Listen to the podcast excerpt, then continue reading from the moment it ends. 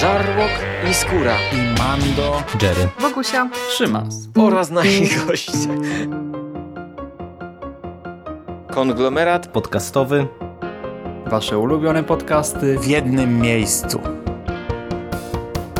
Zapraszamy. Zapraszamy. Zapraszamy. zapraszamy. Zapraszamy.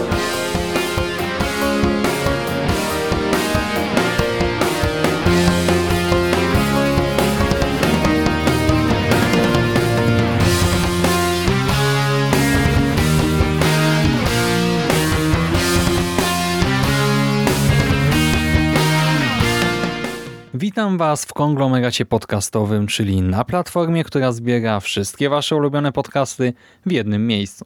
Ja nazywam się Szymon Cieśliński. Możecie mnie kojarzyć jako Szymasa z nawiedzonego podcastu i dziś chciałbym zgodnie z obietnicą omówić dla Was film Minionki, czyli w oryginale Minions.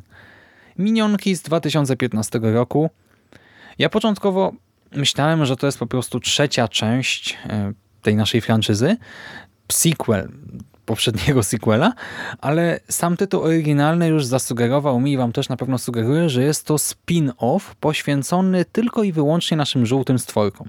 Jeszcze przed seansem, a po tym poprzednim nagraniu o sequelu, o Despicable Me 2, Pomyślałem sobie, że może być trudno zrealizować cały film tylko z minionkami, ale z drugiej strony cieszyłem się, że dano naszym bohaterom, tym takim ludzkim, nie, czyli Gru, Lucy, Margo, Edith i Agnes, nacieszyć się sobą nawzajem, odpocząć od tego właśnie filmowego świadka, a nam dano same minionki. Bo jednak tych było mało w poprzednich filmach, czy mało, no stosunkowo mało, przynajmniej jeżeli się to ogląda nie po latach i gdy się spodziewa, że będą się wylewać z ekranu, a tutaj jednak są na drugim czy wręcz trzecim planie, bo tak to tam wyglądało. No i teraz jak to się sprawdza? Zaczyna się nieźle, bo już melodyjka na logo Universalu jest śpiewana przez minionki, co jest takim, wiecie, pierwszym smaczkiem, pozytywnym zaskoczeniem, a chwilę później pojawia się film właściwy i, uwaga, narrator narrator w polskiej wersji językowej Andrzej Blumenfield. E, tym razem, jeżeli chodzi o właśnie polską wersję językową, o dubbing, też mamy bohaterów, którzy mówią w filmie oprócz minionków. Nie uświadczyłem tutaj żadnych problemów z głośnością i chyba wszystko zrozumiałem. Tak jak w jedynce i dwójce w tych pierwszych filmach czasem coś tam nie grało, tak tutaj wydaje mi się, że wszystko od strony technicznej było ok i ten dubbing i narracja też były w porządku. Andrzej Blumenfield jest tutaj takim narratorem rodem z kanałów przyrodniczych, nie z jakiegoś National Geographic i tak też jest nakręcony ten początek. Widzimy minionki niczym jakieś zwierzątka, które sobie żyją i do tego mamy komentarz e, właśnie rodem z programu dokumentalnego. Okazuje się, że minionki jako jakaś tam rasa, gatunek od zawsze chciały tylko jednego – pragnęły służyć najpodlejszemu panu, jakiego uda im się znaleźć. Powodem ich istnienia jest zadowalanie swojego pana i banany, ale to osobny wątek. I pierwsze kilka minut filmu to takie minionki przez wieki. Obserwujemy, jak nasze żółte stworki żyły sobie w prehistorii, w czasach prehistorycznych, w starożytnym Egipcie, w średniowiecznym zamku, potem u boku Napoleona w jego armii, aż ostatecznie oddzieliły się od swoich panów i zaczęły tworzyć własną cywilizację. Przy czym ta cywilizacja nie miała pana i w związku z tym pewnego dnia Kevin, Stuart i Bob, trzy minionki, wyruszają na poszukiwanie nowego arcyprzestępcy i docierają w ramach swoich poszukiwań w 1968 roku do Nowego Jorku i tutaj zaczyna się taka już bardziej tradycyjna fabuła filmu. Pozostając jeszcze na sekundę przy tym otwarciu, przy zawiązaniu akcji, warto zauważyć, że twórcy świadomie oczywiście pominęli Hitlera czy Stalina. I z jednej strony, no cóż, sami sobie podrzucili kłodę pod nogi, czy też, nie wiem, wręcz minę, bo skoro minionki chcą służyć najpodlejszemu panu, jaki jest tylko dostępny, to no i e, Adolf i Józef no, by się bardzo dobrze do tego nadawali, ale z drugiej strony chwała im za to, że jednak ignorują ten fakt, nie? No bo to jest pomimo wszystko kino familijne i umówmy się, minionki ze swastykami to chyba najgorsze, co mogliby pokazać w kinie, Więc zapomnijmy o tym. Po prostu czułem się w obowiązku o tym wspomnieć, bo pewnie część z Was też by o tym pomyślała, ale odpuśćmy na chwilę ten temat. Minionki w tym Nowym Jorku trafiają na imprezę o nazwie Villain Con. Wiecie, konwent przestępców, to się nazywa w polskiej wersji językowej Targi Zła i tam na tych targach poznają największego przestępcę świata, czyli Scarlet. Scarlet Overkill w oryginale, a w polskiej wersji językowej Scarlet O'Hara. Czajcie, nie? Scarlet O'Hara. Mnie to się podoba. Ja wiem, że to też może budzić różne komentarze, ale dla mnie e, jest to dobre tłumaczenie i w czasie seansu, gdy to się pojawiło po raz pierwszy, drugi czy trzeci, to parskałem śmiechem. E, o. Wypada to całkiem nieźle w filmie i nasza Scarlett wynajmuje minionki do bardzo konkretnego przestępstwa, do kradzieży korony należącej do Elżbiety II, co oczywiście prowadzi do masy absurdalnych sytuacji. W czasie seansu bawiłem się dobrze, ale ponownie, dokładnie tak jak w przypadku poprzednich dwóch filmów, mam uwagi. I to tak naprawdę te same uwagi, znaczy te same, no analogiczne do tych poprzednich.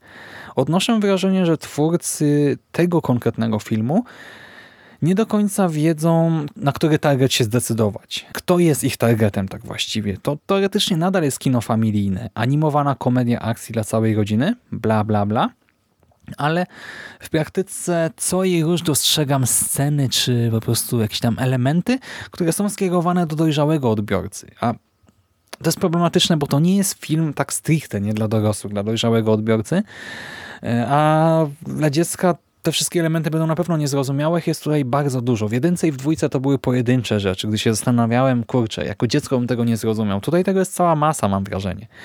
Sam język minioński jest problematyczny. Jego chwaliłem, tak, ten minionis, jak to mówią autorzy, minioński. E, to jest coś ciekawego, to jest coś świetnego, tak jako pomysł, nie? że twórcy stworzyli ten specjalny język, i ja się bawię doskonale dzięki temu, że tutaj jest obecny, bo na początku mamy narratora, ale potem już te trzy minionki trafiają do miasta i one często się ze sobą komunikują, ze sobą i z otoczeniem i mamy bardzo dużo tego miniońskiego. Jako dorosła osoba, która włada trzema językami obcymi i kojarzy pojedyncze słowa z kilku innych, Serio, doskonale się bawię, wyłapując obce wyrazy w tych wypowiedziach naszych żółtych stworków i co za tym idzie, próbując zrozumieć, o czym rozmawiają. To jest świetna zabawa. Też doskonale się bawię, gdy słyszę każde buja, kumbaya, czy gdy nagle jeden z bohaterów krzyczy o super mega ukulele. Znaczy teraz tego nie czuć, nie? I trudno mi to oddać, ale w filmie to się sprawdza doskonale. Ale to wszystko czasem jest oczywiste, a czasem niekoniecznie, czasem wręcz przeciwnie i nawet przy znajomości języków totalnie nie mam pojęcia, o czym minionki rozmawiają. I nie wiem, może dziecko po prostu będzie to miało gdzieś, będzie się bawiło, też cieszyło nie samym faktem oglądania żółtych stworków, które coś tam sobie piszczą pod nosem, ale no dla mnie to jest jednak jakaś tam wada. Idąc dalej, bohaterowie udają się w pewnym momencie na spotkanie na Alei Mechanicznej Pomarańczy. Super, ja to propsuję, nie? Cieszą mnie w ogóle wszystkie nawiązania do horrorów czy thrillerów tutaj. Delikatny wątek genderowy też jest dla mnie na plus, bo mamy kobietę, która jest królem przestępczego półświadka i kobietę, która wygłasza tekst, pamiętajcie, w Stanach Zjednoczonych, Anno Domini 1968 rok, mówi, czasy się zmieniają. Właśnie w kontekście tego, że kobieta rządzi tym światem przestępczym. Spoko, dla mnie bomba. Żarty z Anglików, Dlaczego nie? Mamy tutaj, nie wiem, Gwardię Królowej w żółtych czapkach i jeansowych spodniach. Śmiesznie to wygląda, wiecie, Gwardia Królowej wyglądająca jak minionki, spoko. Mamy parodię 30-paroletniej Elżbiety II, dlaczego nie? Nawiązania do Beatlesów, ogólnie żarty z roli króla królowej w Wielkiej Brytanii.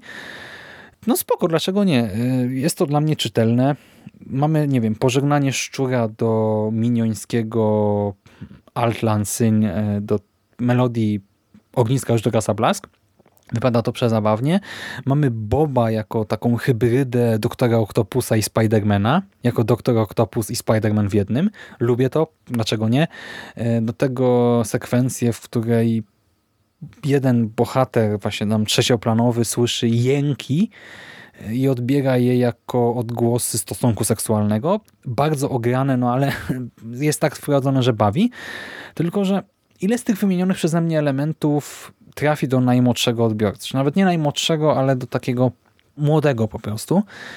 Osobiście obawiam się, że niewiele i w związku z tym film jako stargetowany na całą rodzinę traci w ostatecznej ocenie. Ponadto on nie zawiera chyba żadnego głębszego przesłania. Właściwie nawet nie głębszego, on nie ma przesłania. Wydaje mi się, że unika, świadomie unika moralizatorstwa i to w gruncie rzeczy jest po prostu ciąg yy, skeczy składający się na genezę minionków oraz prequel do Jak ukraść księżyc i jako prequel to się sprawdza, ale to nadal jest właśnie ciąg skeczy bez żadnej takiej idei fixe, bez przesłania, bez morału, a to jest kino familijne do jasnej ciasnej. Do tego no ja mam dużo zastrzeżeń. To wszystko nie zmienia faktu, że oglądając ten film bawiłem się nieźle. Oglądałem go krótko po tych poprzednich i śmiałem się nie jeden raz. Minionki w tej swojej ciapowatości są zabawne. Niektóre sceny, jak na przykład wzywanie lokaja dzwoneczkiem przez naszego minionka, który został królem na chwilę i jednoczesne chowanie się przez niego za, za zasłonką,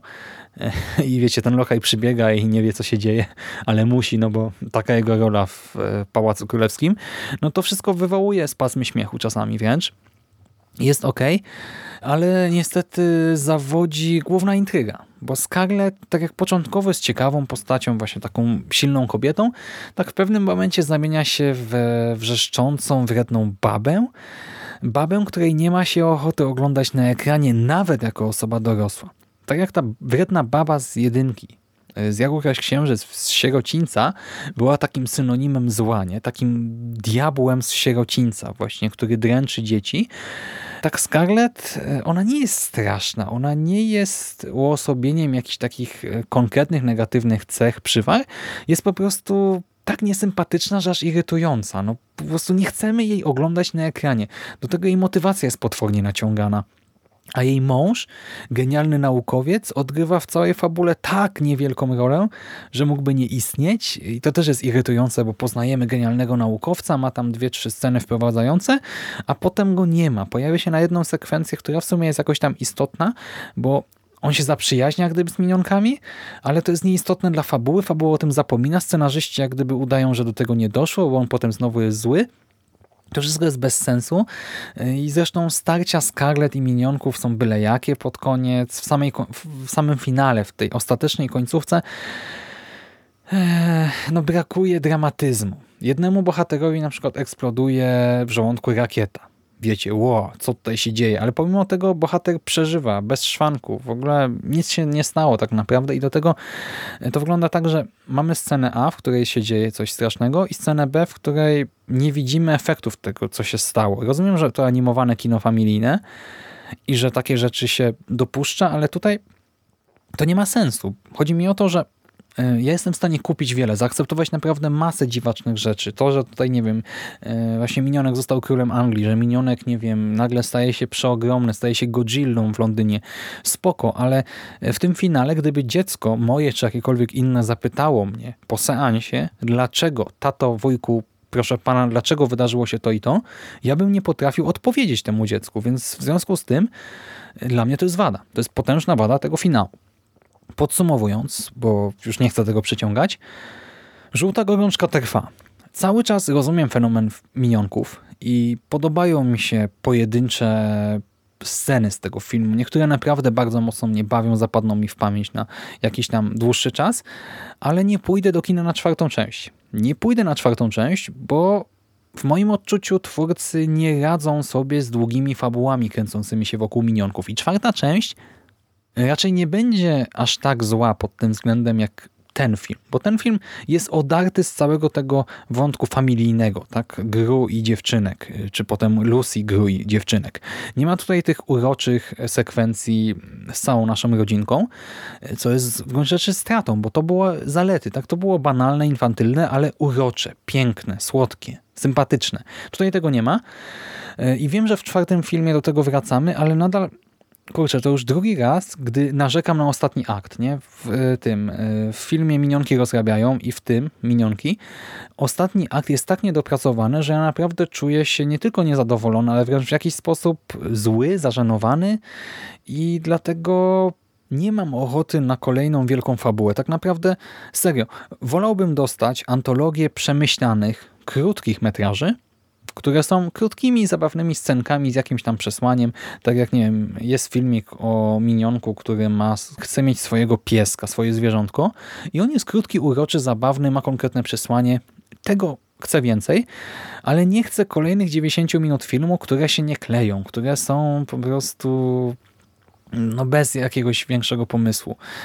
Jestem przekonany, że twórcy widzą potencjał w minionkach, rozumieją w jakiś sposób ich fenomen, ale chcą odcinać kupony w troszkę bezmyślny sposób. Nie mają pomysłu na to, jak na tym zarobić, więc po prostu kręcą rzeczy takie nie do końca przemyślane i dlatego ja nie będę teraz szedł do kina i dokładał do tego interesu. Wiem, że będą dalej odcinali te kupony. Mam po prostu nadzieję, że będą to robili bardziej świadomie, że przemyślą to wszystko i że za przeproszeniem nie zaorają tej franczyzy, bo byłoby szkoda.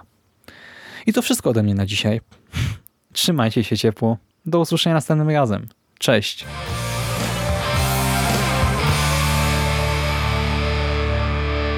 You finished? That's it, man. Game over, man. It's game over. What the fuck are we gonna do now? What are we gonna do? It's over. Nothing is over! Nothing! You just don't turn it off!